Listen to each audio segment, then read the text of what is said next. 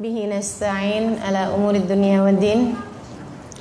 والصلاة والسلام على أشرف الأنبياء والمرسلين سيدنا ومولانا محمد.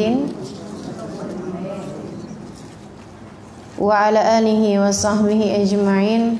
سبحانك لا علم لنا إلا ما علمتنا. إنك أنت العليم الحكيم. رب اشرح لي صدري ويسر لي أمري واحلل عقدة من لساني يفقه قولي أما بعد Alhamdulillah teman-teman seriku sekalian yang saya muliakan Mudah-mudahan Allah muliakan kita Allah bimbing kita Allah ajarkan kepada kita firman-firmannya Mudah-mudahan Allah Subhanahu wa taala memudahkan kita untuk dapat memahami perintah-perintahnya, menjauhi larangan-larangannya, memahami petunjuknya yang telah disampaikannya melalui firman-firmannya di dalam Al-Qur'an insyaallah. Semoga kita semua menjadi ahli-ahli Quran. Amin ya rabbal alamin. Hari ini insya Allah kita akan belajar Sekarang saya ingin teman-teman membuka surat Al-An'am Di 116 ke 117 Dua ayat ini akan kita pelajari insya Allah Ini ayat tentang manajemen membagi Manajemen pengikutan terhadap manusia nih kita nih. Coba nih kita mau mau cari tahu. Ayat 115 100 16 117. Ya, sebelumnya kita awali dengan baca suratul Fatihah, kita minta kepada Allah Subhanahu wa taala bimbingannya, kita minta kepada Allah Subhanahu wa taala petunjuknya, kita minta kepada Allah Subhanahu wa taala ilmu yang bermanfaat. Ilmu yang membuat kita semakin faham jalan menuju Allah Subhanahu wa taala insyaallah. Fatihah biniyatin nafa' wal intifa' wal mudzakarah wat tadhkir ibtigha'a mardatih wa qurbih wa tawabih wa husnil khatimah ma'lud fil afiyah wa salahil akibah ila hadratin Nabi Muhammadin sallallahu alaihi wasallam jamil anbiya wal mursalin wal qani ajma'in ثم إلى أرواح أرباد الأئمة المجتهدين مقلدين في الدين علماء عاملين فقهاء المهندسين والقراء والمفسرين والسادات الصوفية المحكين أجمعين. أن الله يغفر لهم ويرحمهم ويعلي درجاتهم في الجنة وينفعنا ببركاتهم وأسرارهم وأنوارهم وعلومهم ونفاتهم في الدين والدنيا والآخرة. الفاتحة.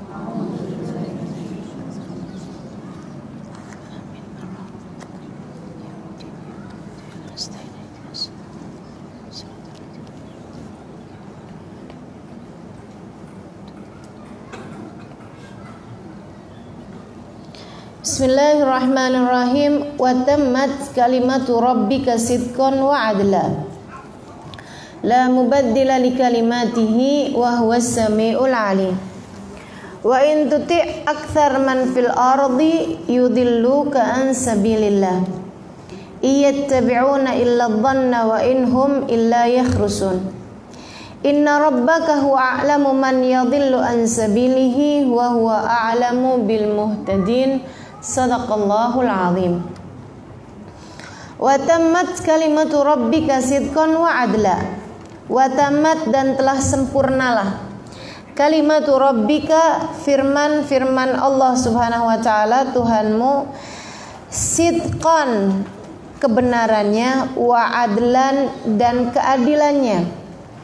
La mubaddila li kalimatihi Tidak ada yang dapat mengubah firmannya Wahwas sami'ul alim. Sungguhnya Allah dat yang maha mendengar. Al-alim dat yang maha mengetahui. Wa in tuti akthar man fil ardi. Udah dapat ayatnya? Udah?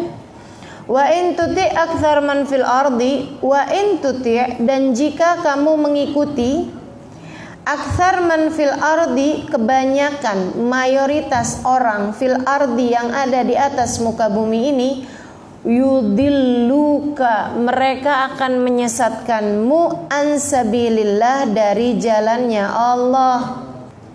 In yattabi'una illa dhan. Yattabi'una tidaklah mereka mengikuti illa dhan kecuali persangkaan.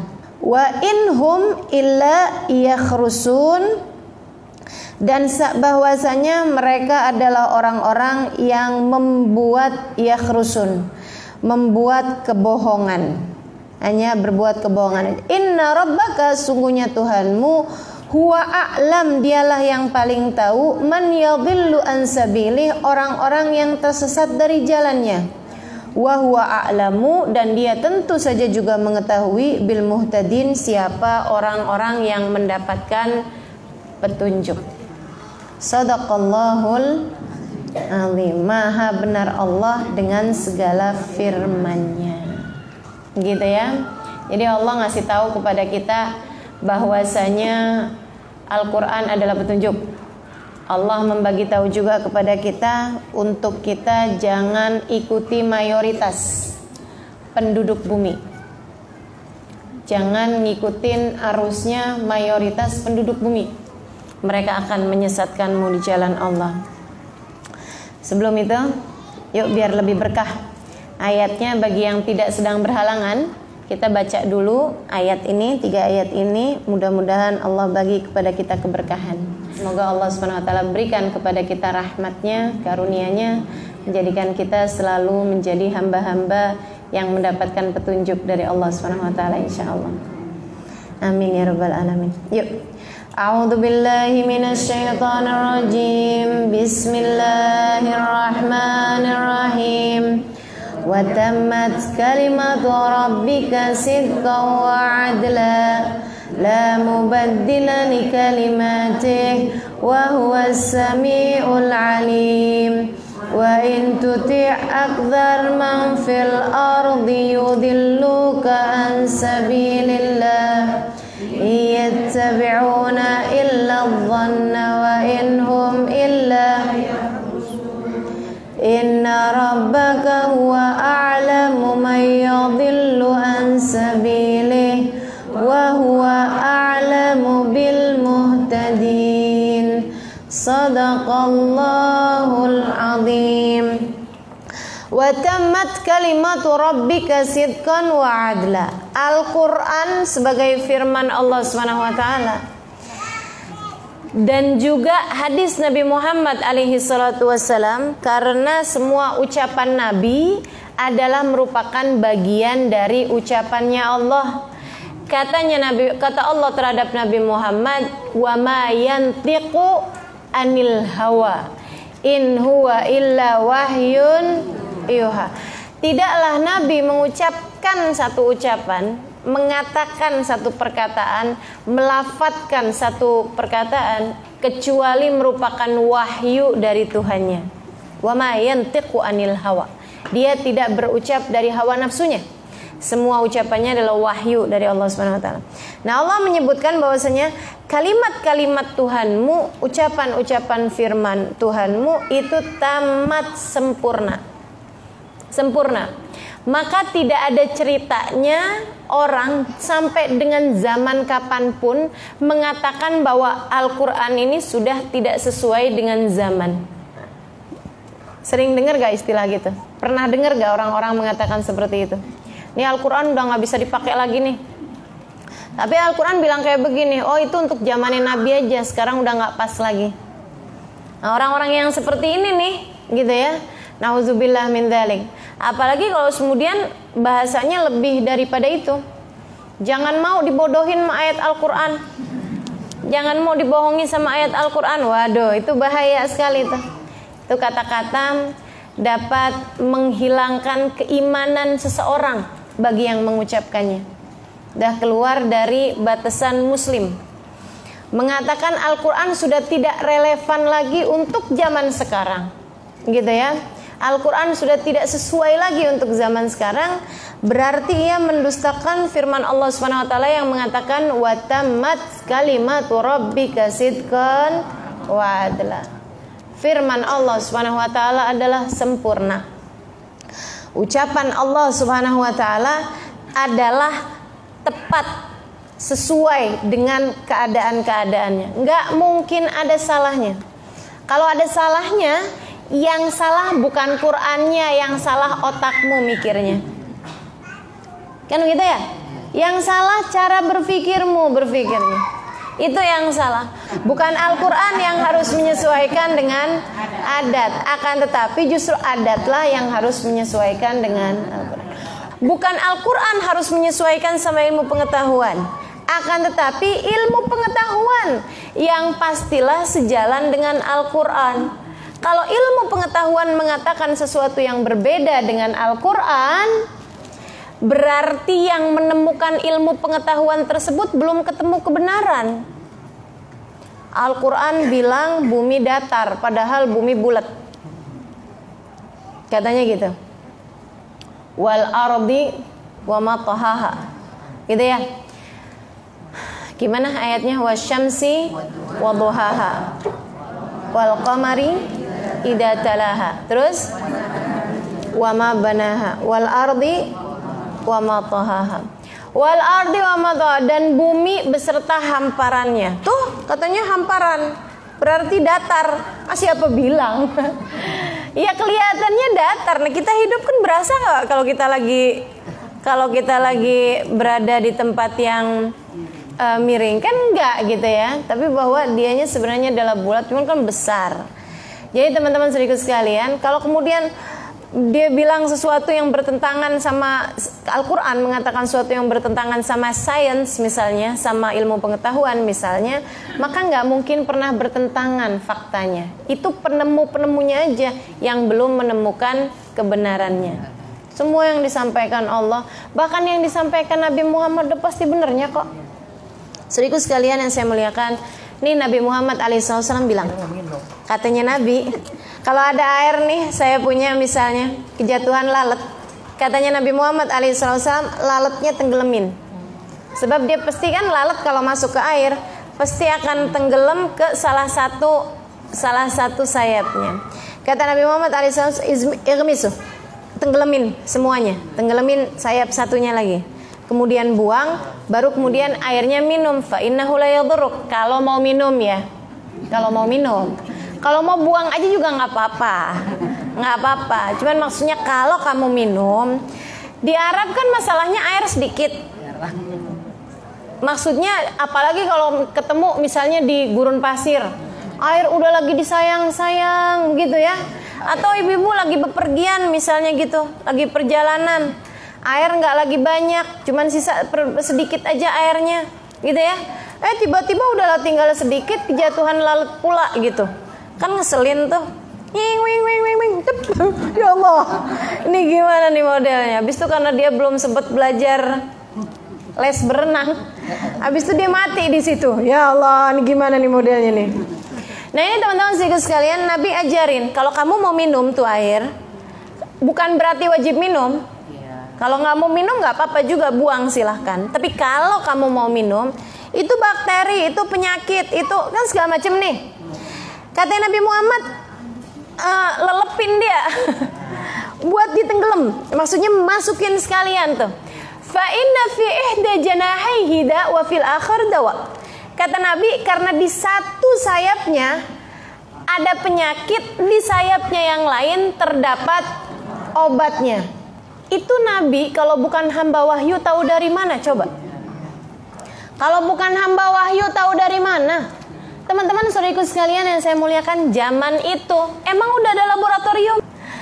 Gitu ya. Kebayang Sayyidina Abu Bakar mau tahu istrinya hamil apa enggak? Nyari prodia nggak ada gitu loh di zaman tersebut. Tapi Nabi udah bagi tahu udah kasih tahu kepada kita sekalian. Katanya Nabi Muhammad fi ihda janahihi wa fil akhar dawa. Di satu sayapnya ada penyakit di sayapnya yang lain terdapat obat. Oh diselidikin. Sama orang-orang ratusan tahun sesudah Nabi Muhammad wafat. Sesudah Nabi Muhammad wafat. Diselidikin sama orang-orang kebenaran ucapannya Nabi Muhammad. Dicari, cari, cari. Adakah benar di satu sayap ada penyakit, di satu sayap ada obat? Oh enggak, ternyata dua-duanya sama-sama berpenyakit. Jadi mau tenggelam dia di kanan ataupun di kiri sama-sama berpenyakit. Oh gitu. Salah dong ucapan Nabi. Oh enggak mungkin salah, selidikinya yang benar. Kan gitu ya? Selidikin lagi. Bener ternyata kayak gitu. Dua-duanya ada penyakit. Oh, tapi coba tenggelamin kita liatin airnya. Iya, berpenyakit. Tenggelamin sebelahnya, kita liatin airnya sudah sembuh dari penyakitnya. Wah subhanallah, kok bisa begitu? Ya, ternyata penyakit sayap kanan disembuhkan dengan penyakit sayap kiri. Sehingga dia mau tenggelam di kanan ataupun di kiri sama aja. Obatnya adalah penyakit yang ada di sayap sebelahnya. Jadi sayap si A, sayap A kemudian kalau kena air gitu ya, dia berpenyakit, tapi sembuhnya penyakit tersebut adalah dengan masuknya sayap B. Subhanallah. Bener nggak benar ucapannya Nabi? Benar semuanya. Subhanallah. Nabi ngomong segala macam semuanya benar. Sunnahnya Nabi aja semuanya benar. Karena yang ngatur sunnahnya Nabi, dia juga yang sudah menciptakan tubuh manusia. Karenanya nggak mungkin salah. Nabi itu teman-teman sekalian ngajarin kita tidur miring kanan, miring kanan. Malah Nabi itu ngajarin kita kalau tidur itu taruhin tangan nih di di di pipi, gitu ya. Cara tidurnya Nabi Muhammad alaihi salam miring kanan ngadep ke arah kiblat, gitu.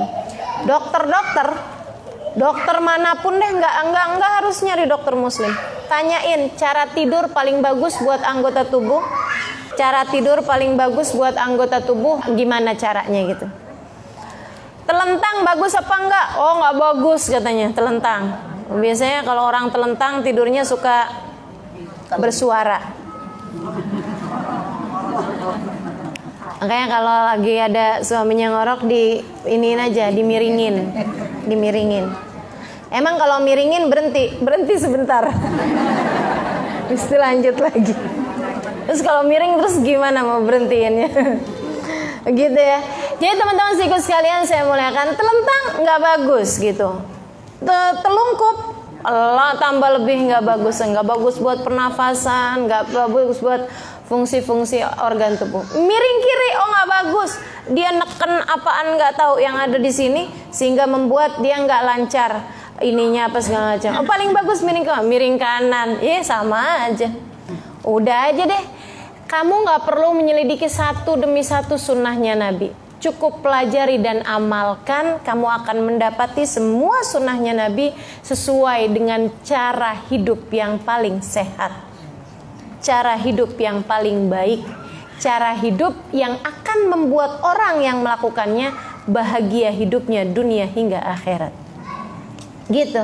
Watamat kalimatu rabbika sidqan wa adla. Udah tuh, udah sempurna kok firman Allah Subhanahu wa taala semuanya udah sempurna.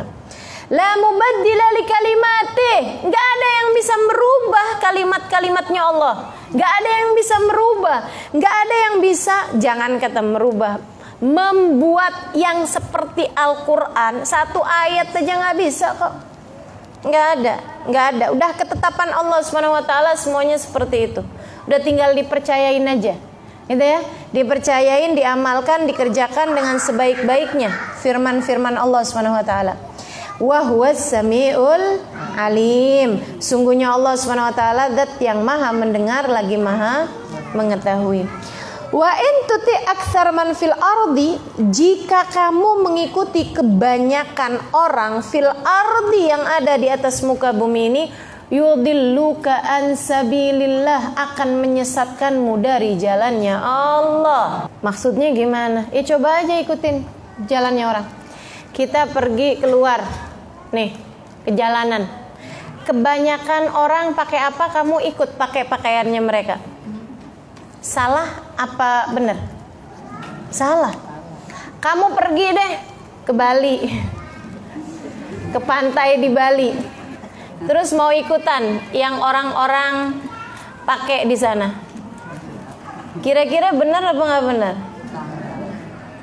Pergi ke Amerika, pergi ke kebanyakan ya, bukan berarti bukan berarti semua, kebanyakan, aksar, kebanyakan. Tapi kalau misalnya kita pergi ke Saudi Arabia, Ustazah kan perempuannya pada tutup-tutup. Kalau kita ikutin kan benar. Iya benar itu kan makanya di sini bahasanya aksar, kebanyakannya. Kalau kamu ikutin mayoritas. Ini negeri-negeri orang yang perempuannya menutup aurat berapa banyak, berapa persen dari keseluruhan penduduk bumi ini. Kan gitu ya. Kebanyakan penduduk bumi ya kebanyakan bukan kebanyakan musliminnya bukan, bukan. Bukan kebanyakan muslimahnya bukan. Kalau masalahnya dengan orang Islam, insya Allah, insya Allah, katanya Nabi Muhammad SAW, Inna ummati lan yajtami ala dalalah. Umatku tidak akan bersepakat dalam kebatilan, dalam kesesatan. Insya Allah mayoritasnya orang Islam berada dalam Islam yang benar. Mayoritasnya orang Islam akan selalu berada dalam Islam yang benar. Tapi mayoritasnya penduduk bumi, saudariku sekalian, Islam tidak akan pernah menjadi agama mayoritas penduduk bumi ini. Tidak akan pernah. Nggak akan pernah. Ini zaman sekarang, mayoritas penduduk bumi ini agamanya apa? Nasrani, teman-teman. Halo? Kebanyak kalau e, mayoritas Indonesia agamanya apa? Islam. Oh iya, kalau Islam alhamdulillah nih makanya. Alhamdulillah. Indonesia ini adalah negeri Islam terbesar di seluruh dunia. Ini kita mewakili loh ini. Kita nih jadi duta-duta Islam di atas penjuru bumi ini ya. Orang kalau melihat Islam melihat di Indonesia karena Indonesia adalah negeri Islam yang terbesar. Saudaraku sekalian saya muliakan, tapi bahwasanya di seluruh penjuru bumi ini dari sejak zamannya Nabi dari sejak zamannya Nabi sampai ke zaman sekarang ini Islam tidak akan pernah menjadi agama mayoritas penduduk dunia nggak akan karena Allah udah bilang kayak begitu wa in tuti aktsar man fil ard yudilluka an sabilillah yudillu ka an sabilillah. sekalian yang saya muliakan, iyattabi'una illa dhann. Kata Allah Subhanahu wa taala, iyattabi'una illa dhann, mereka mengikuti hanyalah persangkaan. Orang penduduk bumi ini menyangka doang. Nyangkain kalau punya uang bahagia. Nyangkain. Dan orang-orang semua percaya.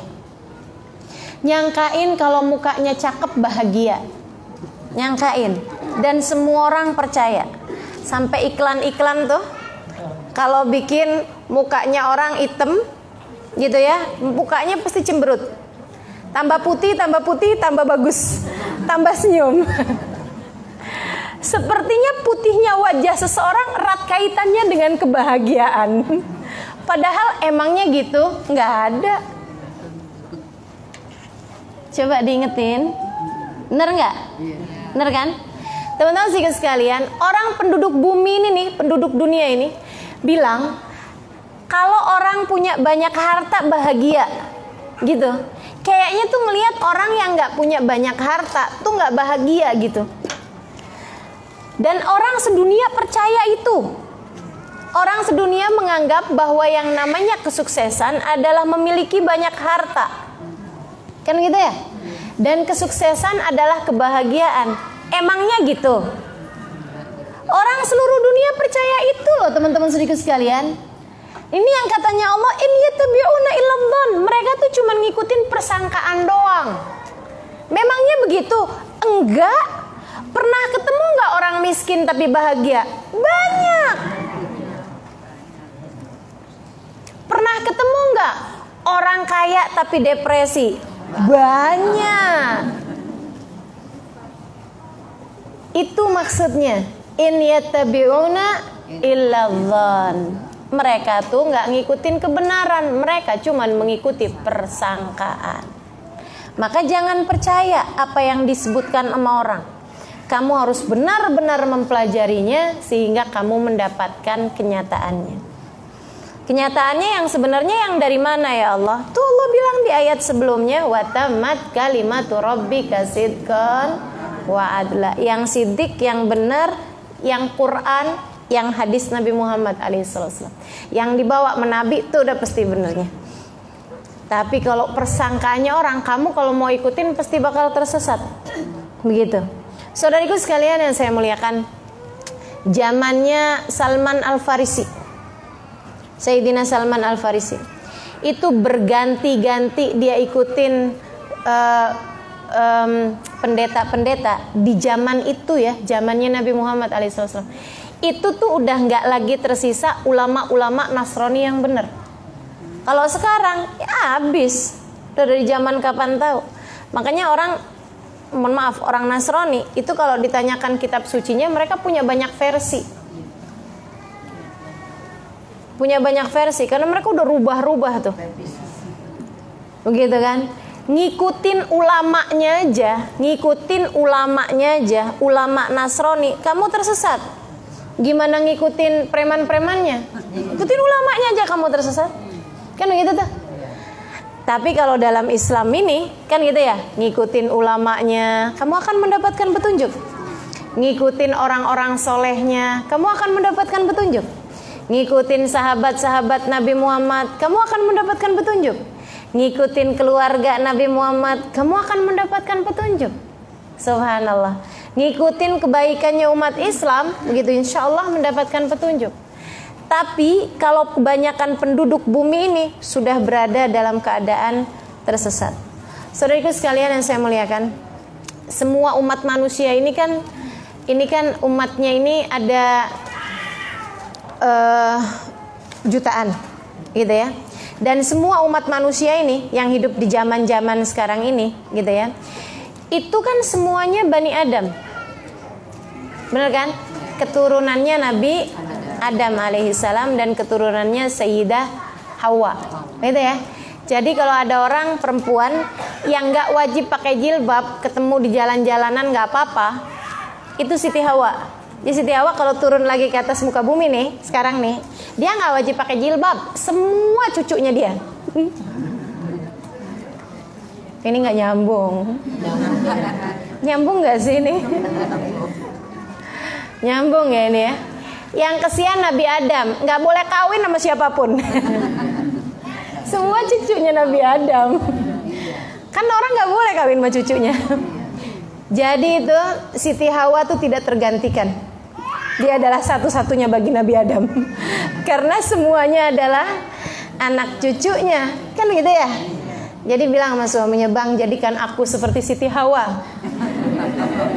Bagi Nabi Adam untukmu tidak terduakan nggak ada semua anak cucunya jadi teman-teman sedikit sekalian yang saya muliakan kelak di hari akhirat ini makna dari firman Allah taala uh, hari itu ada orang-orang yang mati dalam keadaan kecil, mati masih muda-muda, rambut mereka segera beruban. Kapan itu? Kapan itu? Nabi Muhammad bercerita, itu adalah saat nanti ketika di hari akhirat ada masanya Allah berkata kepada Nabi Adam, "Ya Adam, khud min dzurriyyati." Wahai Adam, ambillah dari anak keturunanmu satu di antara seribu ke dalam surga. Satu di antara seribu ke dalam surga. Jadi ini dari serat, setiap seribu, satu doang yang masuk surga, 999-nya ke dalam neraka. Gimana nggak kaget tuh semua umat manusia? Langsung mereka pada teriak ah, ketakutan sampai kemudian membuat yang asalnya meninggal dalam keadaan muda, rambutnya pada hitam, langsung pada beruban kata Allah. Yaj'alul wildana shiba. Hari itu Allah akan menjadikan yang rambutnya pada hitam-hitam sekalipun langsung pada beruban ketika mendengarkan firman Allah seperti itu kepada Nabi Adam. Nah, jadi kebanyakannya manusia ini memang berada dalam dalam keadaan sesat, dalam keadaan salah, gitu ya. Wah, kalau gitu gimana dong saya? Ya alhamdulillah Allah bagi kepada kita hidayah. Wah Allah kok nggak kesian ya sama hamba-hambanya? Eh itu biarkan jadi keputusan Allah. Kamu nggak usah repot-repot. Takutnya kalau kamu menganggap bahwa Allah dolim, Allah begini, Allah begitu, takutnya karena kecerewetan kamu, kamu diambil juga termasuk di antara mereka. Ya Allah kesiannya tuh ya Allah kesiannya tuh ya Allah. Oh kamu ya nggak ngerti syukur, Hah? Hmm. Beres. Jangan sampai naudzubillah min dzalik. Wa in tuti aksyar aksar man fil ardi yudilluka an sabilillah. Bukan berarti aksar man fil ardi itu harus kita perangi, enggak. Enggak, bukan berarti harus kita perangi. Allah cuma lagi kasih tahu bahwa mayoritasnya penduduk bumi ini itu tidak beriman kepada Allah Subhanahu wa taala, tapi bukan berarti kita harus perangi semuanya. Nih ya. Orang-orang itu terbagi menjadi empat. Hmm, coba nih kita liatin nih Kita liatin di sekeliling kita. Semua orang pasti terbagi menjadi empat ini. Itu cara kita ngadepin tiap orang. Yang pertama, ada orang yang beriman kepada Allah Subhanahu wa taala, dia membenarkan Allah Subhanahu wa taala beriman dengan iman yang menetap dalam hatinya dan beribadah kepada Allah Subhanahu wa taala dengan sebenar-benarnya. Ini yang di sini wajah-wajahnya ini kelompok pertama insya Allah. Amin. Kok senyum-senyum nggak percaya diri gitu? Jangan gitu ya. Karena kalau saya pikir-pikirin dari semua orang nih jam-jam kayak begini sore-sore gini paling enak nih ngeteh sama makan pisang goreng. Ada yang ngebakso nih enak ya, ngemi gitu ya, pakai cabai rawit ya. Kalau kemudian ada di sini di tempat yang mulia seperti ini, di depan kita ada Al-Qur'an seperti ini, lagi mempelajari firman-firmannya, apa namanya kalau bukan hidayah dari Allah? Apa namanya kalau bukan tanda cinta dari Allah? Apa namanya kalau bukan karena Allah menginginkanmu sebagai kelompok pertama orang-orang yang beriman, beribadah, menempuh jalan menuju kebaikan-kebaikan. Insya Allah. Ini surganya nih lagi dideketin, dideketin, dideketin. Mudah-mudahan abis gini nggak menjauh lagi dari surga. Amin. Gitu ya. Itu kelompok pertama. Nah orang-orang yang seperti ini membantu dalam kebaikan. Kita harus berteman sama mereka-mereka ini. Makanya kalau mau cari teman yang benar, jangan nyarinya di pasar. Kalau mau cari temannya, bukan berarti nggak ada di pasar, ya bukan. Tapi jangan nyarinya di pasar, kemungkinan ketemunya kan sedikit, begitu ya. Tapi kalau mau cari teman, carilah di majelis-majelis ilmu, carilah di tempat-tempat ibadah. Nah itu akan ketemu orang-orang yang memang sedang menempuh jalan menuju kepada perbaikan hidup.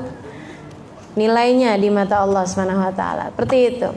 Jadi teman-teman sekalian ada kelompok pertama nih. Nah itu juga berkelompok-kelompok nanti. Ada yang alim, ada yang masih lagi belajar, ada yang uh, walaupun ada yang cuma jadi pendengar begitu kan ya. Yang belajar juga macam-macam. Ada yang sekali disampaikan langsung melekat di pikiran. Ada yang bertahan sehari. Ada yang bertahannya selama di majelis. Begitu nyampe di pintu tadi sudah ngomong apa sih? Ah udah. Gitu ya masing-masing. Ada kelompok-kelompok yang sangat-sangat banyak begitu kan ya? Ada yang cuman perlu didengar sekali udah faham dan sudah mengamalkan. Ada yang kayak begitu. Ada yang perlu dua tiga empat kali. Jangan sampai seperti himar. At-tikrar yu'allimul himar. Pengulangan mengajarkan kepada keledai gitu ya.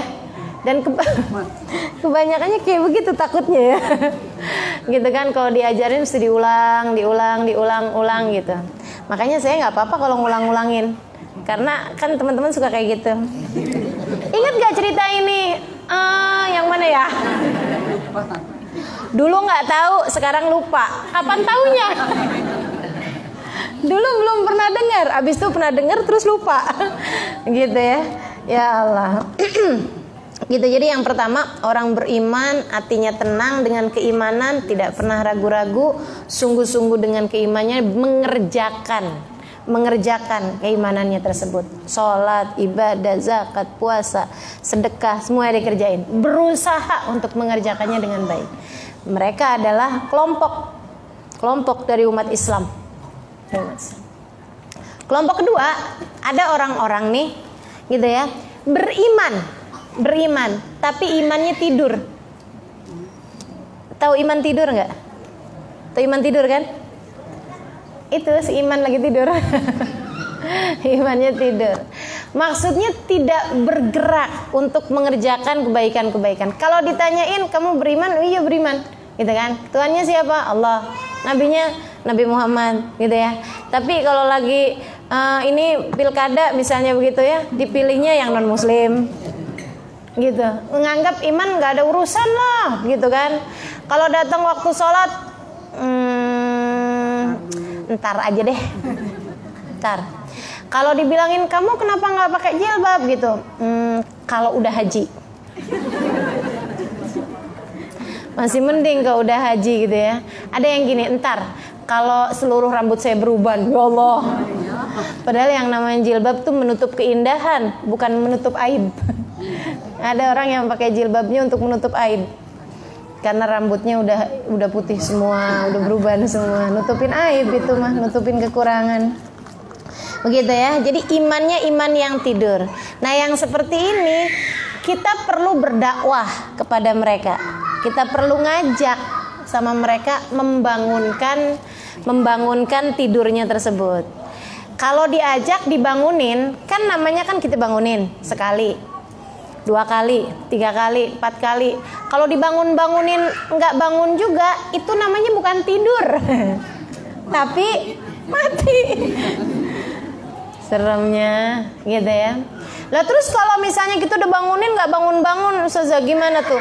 Tinggalin aja, kecuali kecuali jika dia adalah orang yang sangat berpengaruh dalam hidupmu. Jangan pernah putus asa. Tapi selagi itu nggak terlalu terpengaruh dalam hidupmu, tinggalin aja. Sisanya kamu hanya perlu berdoa. Kalau orang tersebut nggak kena mengena sama kita, misalnya kayak ya sekedar teman, tetangga, begitu ya, yang kamu tidak akan dihisap karenanya.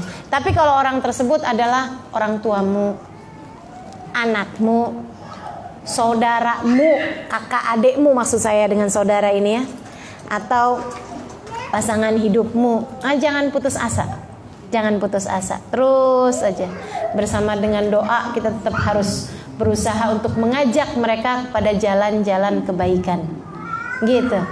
Itu yang nomor dua. Ini kita lihatin nih yang nomor satu sama nomor dua banyakan mana? Banyakan nomor dua kan? Itu padahal baru nomor dua tuh. Baru nomor dua. Yang nomor tiga, teman-teman saya sekalian saya muliakan, nggak beriman, nggak beriman kepada Allah Subhanahu Wa Taala, nggak beriman. Mau yang ada agamanya Islam atau yang sekalian agamanya nggak Islam mau nggak berimannya itu memang bener-bener nggak beriman nggak percaya gitu maksudnya agamanya lain mempercayai Tuhan lain selain Allah atau yang memang tulisannya sih Islam agamanya tapi kalau ditanya tentang Islam nggak percaya gitu. Ya Allah dan itu banyak banget di atas muka bumi ini. Teman-teman serius sekalian mudah-mudahan di Indonesia nggak banyak. Gitu ya. Tapi di atas muka bumi ini banyak banget loh orang kayak begitu. Orang kayak begitu gitu. Saudaraku sekalian, saya waktu ke Uzbekistan beberapa waktu yang lalu, itu teman-teman saudaraku sekalian saya muliakan di sana, di sana mayoritasnya orang beragama Islam, mayoritasnya. Tapi mereka ngelihat orang sholat aja aneh loh. Beneran ini, beneran. Teman-teman saudaraku sekalian di bandaranya saya pernah sampai di bandara-bandara dari negeri-negeri yang non-muslim. Tapi walaupun negeri non-muslim sekalipun, negeri kafir sekalipun, di bandaranya selalu ada tempat untuk ibadah, tempat sholat. Di Uzbekistan mayoritas muslim, tapi di bandaranya nggak ada tempat sholat. Nggak ada tempat sholat. Dan itu yang yang ajaib nih uh, si apa namanya guide kita tuh, dia muslim, dan dia secara terang-terangan aja saya nggak praktekin Islam saya. Dia bilang gitu saya muslim tapi saya nggak praktek. Maksudnya saya muslim tapi saya nggak sholat. B pede lagi ngomong kayak begitu. Kita ada nggak yang pede kayak begitu? Nggak pernah saya ketemu orang di Indonesia kenalan langsung yang disebutnya adalah bahwa saya muslim tapi saya nggak sholat loh saya muslim tapi saya nggak puasa gitu ya aneh banget kan dia bilang begitu saya muslim tapi saya nggak praktek Islam gitu. Habis itu teman-teman sekalian, satu hari dia karena ngelihat kita sholat setiap waktu gitu ya, ibadah gitu kan, mana-mana doa, baca fatihah ini itu apa segala macam. Dia menghormati itu, dia mengagumi itu, meskipun menganggap bahwa ya itu kayaknya jauh banget lah saya kayak begitu, kayak gitu. Satu hari kita lagi doa di makomnya Imam Bukhari pada awal pergantian awal tahun. Kita lagi doa-doa gitu, dia datang kemudian. Kemudian berhentiin kita doa. Kita kirain ngapain? Terus dia ngomong kayak begini please doain ibu saya. Oh bagus nih gitu kan? Oke saya tanya kamu minta didoain ibunya biar kenapa? Biar sehat biar panjang umur biar selalu diberi kemudahan dalam hidup. Oh iya gitu ya bapak kamu juga nggak? Gitu. Maksudnya doain buat bapak kamu juga. Nggak nggak usah bapak saya udah mati.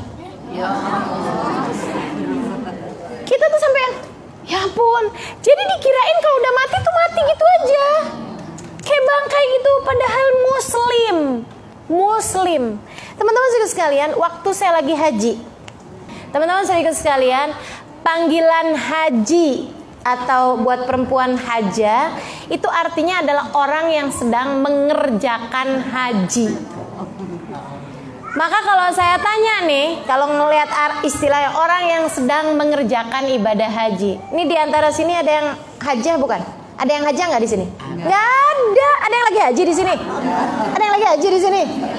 Ada nggak yang lagi haji di sini? Nggak ada.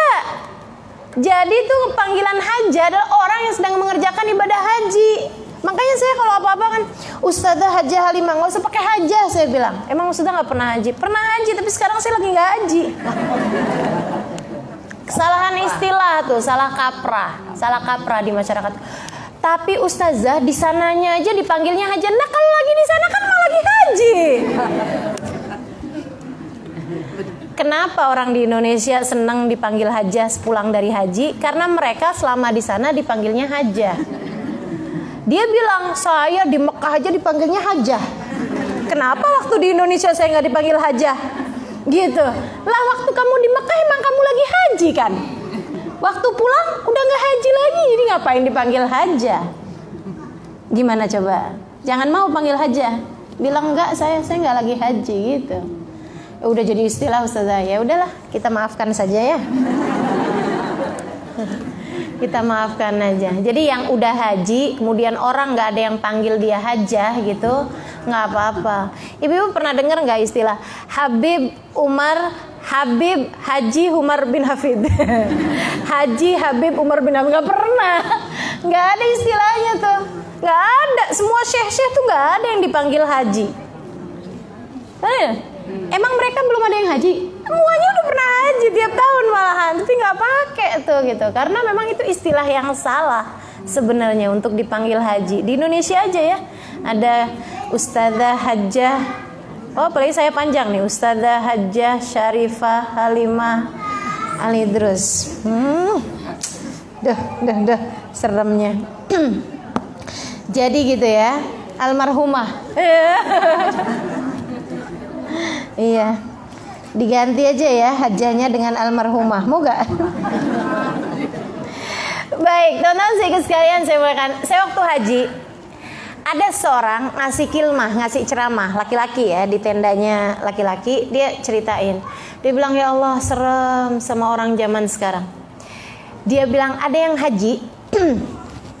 dia lagi ngobrol-ngobrol sama temennya. Sesama orang yang pergi haji nih, sama orang yang pergi haji Terus dia bilang kayak begini, eh tahu nggak? Masa dia cerita katanya kita habis meninggal dunia nih ada alam kubur.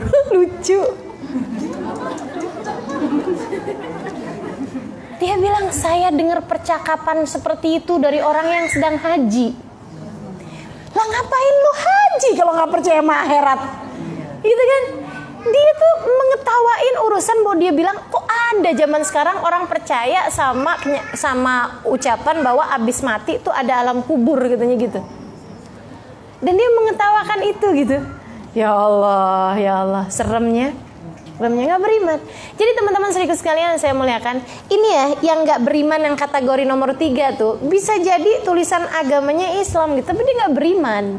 Nggak beriman kepada Allah nggak beriman kepada hari akhir gitu kan? Atau yang sekalian percayanya sama yang selain Allah. Percaya bahwa Nabi Isa adalah adalah uh, Tuhan begitu kan? Percaya bahwa uh, Uzair adalah anak Tuhan orang Yahudi kan? Percaya bahwa Bunda Maria adalah istri Tuhan gitu ya. Nah, yang seperti itu itu kan berkeyakinan dengan keyakinan yang salah sebab Nabi Isa adalah manusia, adalah seorang nabi. Nah, itu mau yang kayak begitu atau yang kayak begitu. Ini masih kategori yang nomor tiga. Jika mereka tidak ber uh, tidak memusuhi umat Islam. Kita punya tetangga orang non muslim kita punya tetangga orang Buddha kita punya tetangga orang Kristen misalnya kayak begitu. Tapi dia nggak musuhin kita nggak musuhin kita.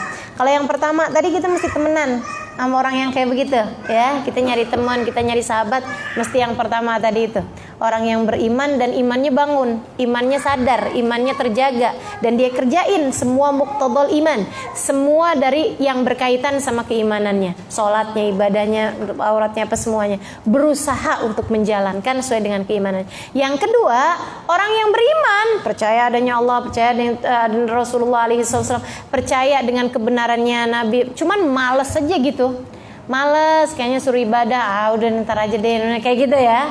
Gitu ya tapi percaya percaya sama akhirat. Nah yang kayak begituan kita mesti ajakin untuk berbuat kebaikan selagi memungkinkan. Jika kamunya tidak kebawa-bawa gitu. Kalau kemudian berdakwah malah bukannya berdakwah berhasil ngajak dia malah kita yang kebawa sama dia. Nah itu jangan sampai kayak begitu. Temenan dia doang yang pakai jilbab yang lainnya semuanya pakai bikini misal. Begitu ya Semuanya pada pakai pakaiannya telanjang-telanjang. Kamu sendiri berjilbab. Kau tanyain kenapa kamu temenan sama orang kayak begituan? Saya mau berdakwah. Yang ada dalam satu, dua, tiga, empat tahun kemudian, bukannya teman-temannya pada pakai jilbab, dia ikutan pakai bikini. Gitu deh, jangan sampai terjadi yang seperti itu karena ya Allah asli nih teman-teman saudariku sekalian pertemanan itu ngaruh. Pertemanan itu ngaruh. Jangan berteman dengan orang yang kedekatanmu padanya membuatmu semakin berjarak jauh dengan Allah Subhanahu wa taala. Sebab berjarak jauh dengan Allah, berjarak jauh dengan syariat agamanya Allah, artinya berjarak jauh dengan surga, artinya berjarak jauh dengan kebahagiaanmu sendiri. Mau apa yang dicari? Gitu kan? Saya pernah, pernah, ini satu pengalaman aja nih ya. Ada satu kelompok orang-orang yang berteman. Ada seorang teman cerita sama saya kayak begini nih. Ustazah, Ustazah perhatiin deh orang-orang itu gitu. Saya kebetulan kenal sama kebanyakan dari mereka. Kenapa saya bilang? Itu Ustazah, mereka tuh udah berteman gak banyak orangnya, 5 enam orang ke mana-mana barengan ini apa segala macam. Dia bilang tuh Ustazah, empat dari enam orang tersebut bercerai dari suaminya. Saya bilang masa sih? Saya perhatiin aja. Oh iya ternyata. Dan teman-teman sedikit sekalian, beberapa bulan berselang, saya mendengar satu dari dua orang yang masih menikah itu bercerai. Dan beberapa bulan yang lalu saya dengar yang terakhir pun sudah bercerai juga.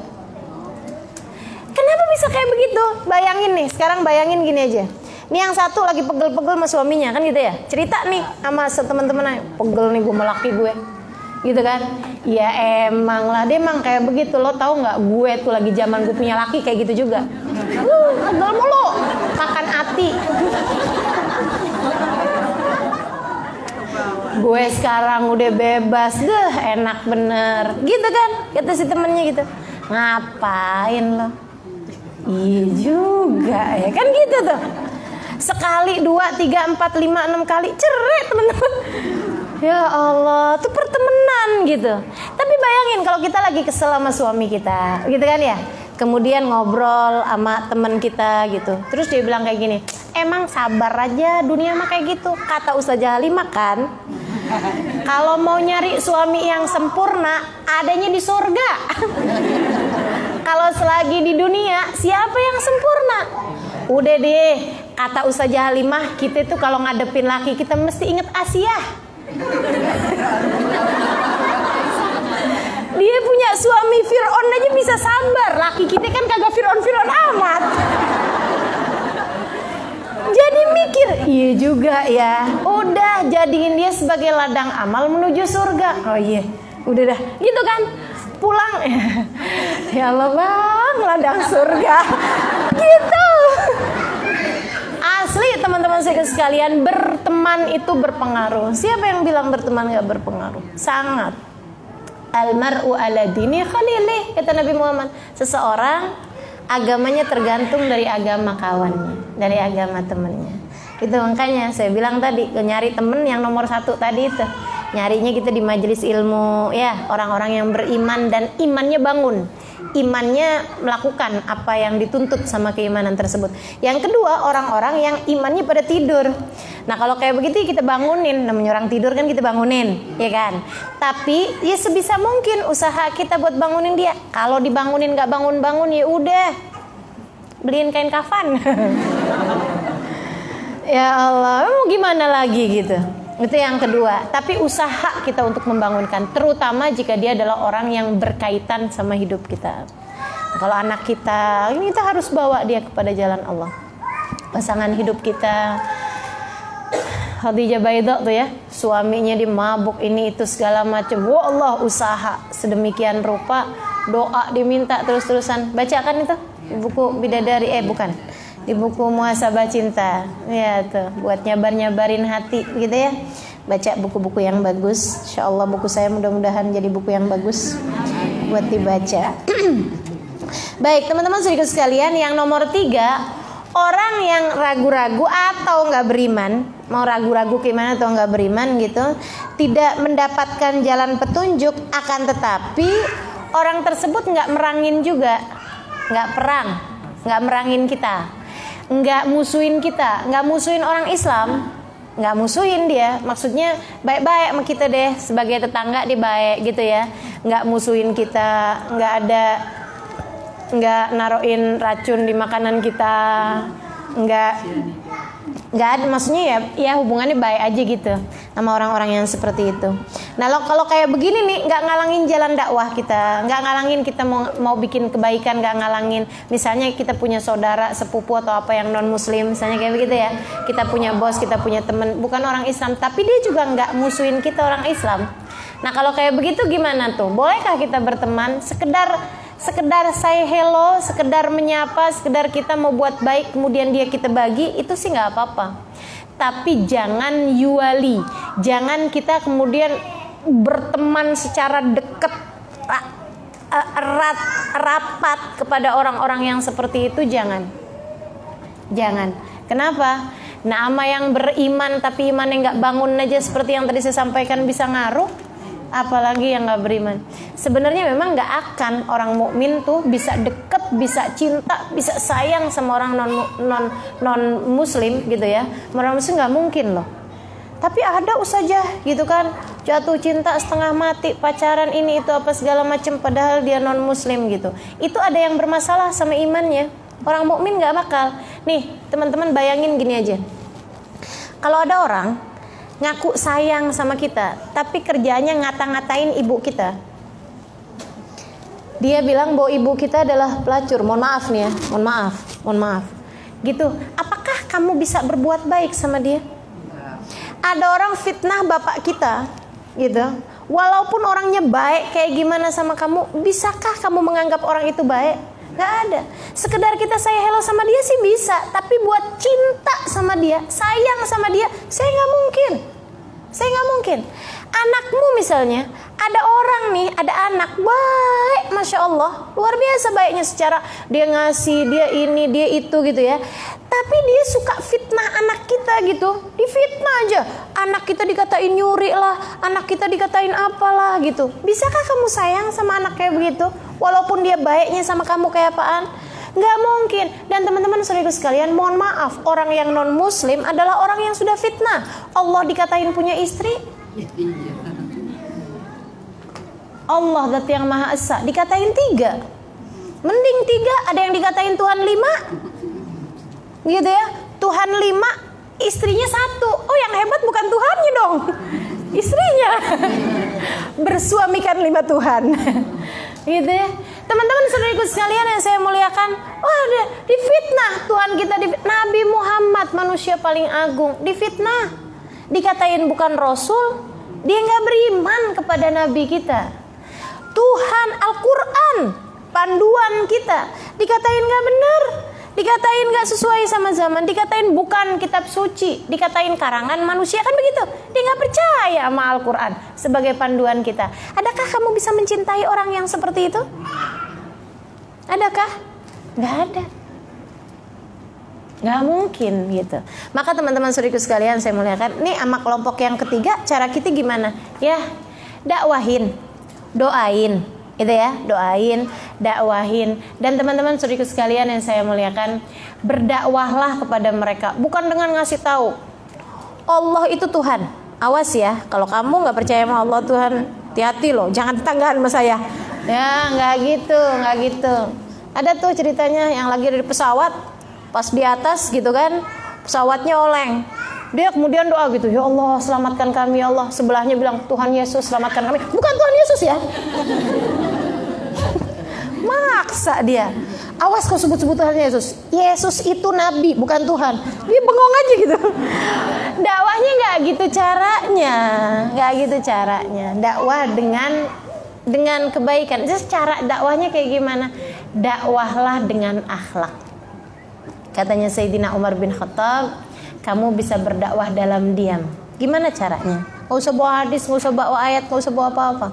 Dakwahlah dengan akhlakmu kita punya tetangga non muslim baikin kalau kita lagi bawa lagi bikin makanan banyakan gitu ya bagi sama tetangga gitu kalau kita lagi ada acara-acara bagiin makanannya bagi apa aneh bagi kayak gitu gitu ketemu tutur sapa sapaan ucapan salam selain daripada itu doakan doakan terjaga, doakan uh, sehat, doakan kebaikan-kebaikan dunia. Kalau ketemu secara langsung doain yang baik-baik kepada orang tersebut.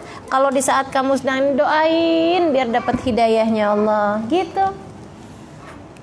Esok lusa entah kapan akan jadi. Akan kalau kamu terus-terusan mendoakan saudara-saudaramu, kakak adekmu, kalau ada yang non muslim doakan begitu ya. Nah itu teman-teman saudara sekalian yang saya muliakan itu kelompok yang ke tiga. Nah, kelompok yang keempat itu ada orang-orang yang bukan hanya mendustakan tapi juga memerangi orang Islam. Memusuhi agama kita. Kalau udah yang kayak begitu, ya udah. Kita serahkan mereka kepada Allah. Mau gimana lagi udah? Gitu ya. Nah, itu udah mau di mau dibaik-baikin ya kayak begitu udah. Kalau kayak begini ya sudahlah. Kita serahkan aja semuanya kepada Allah Subhanahu wa taala. Mudah-mudahan Allah bagi kepada kita kemenangan. Nah, ini zaman sekarang saya liatin banyak banget gitu orang-orang non muslim yang kayaknya mau yang uh gitu kan menguasai orang Islam. Dan jangan sampai kita menjadi orang Islam yang dikuasai tersebut. Jangan sampai kita menjadi orang-orang Islam yang mau dikuasai tersebut.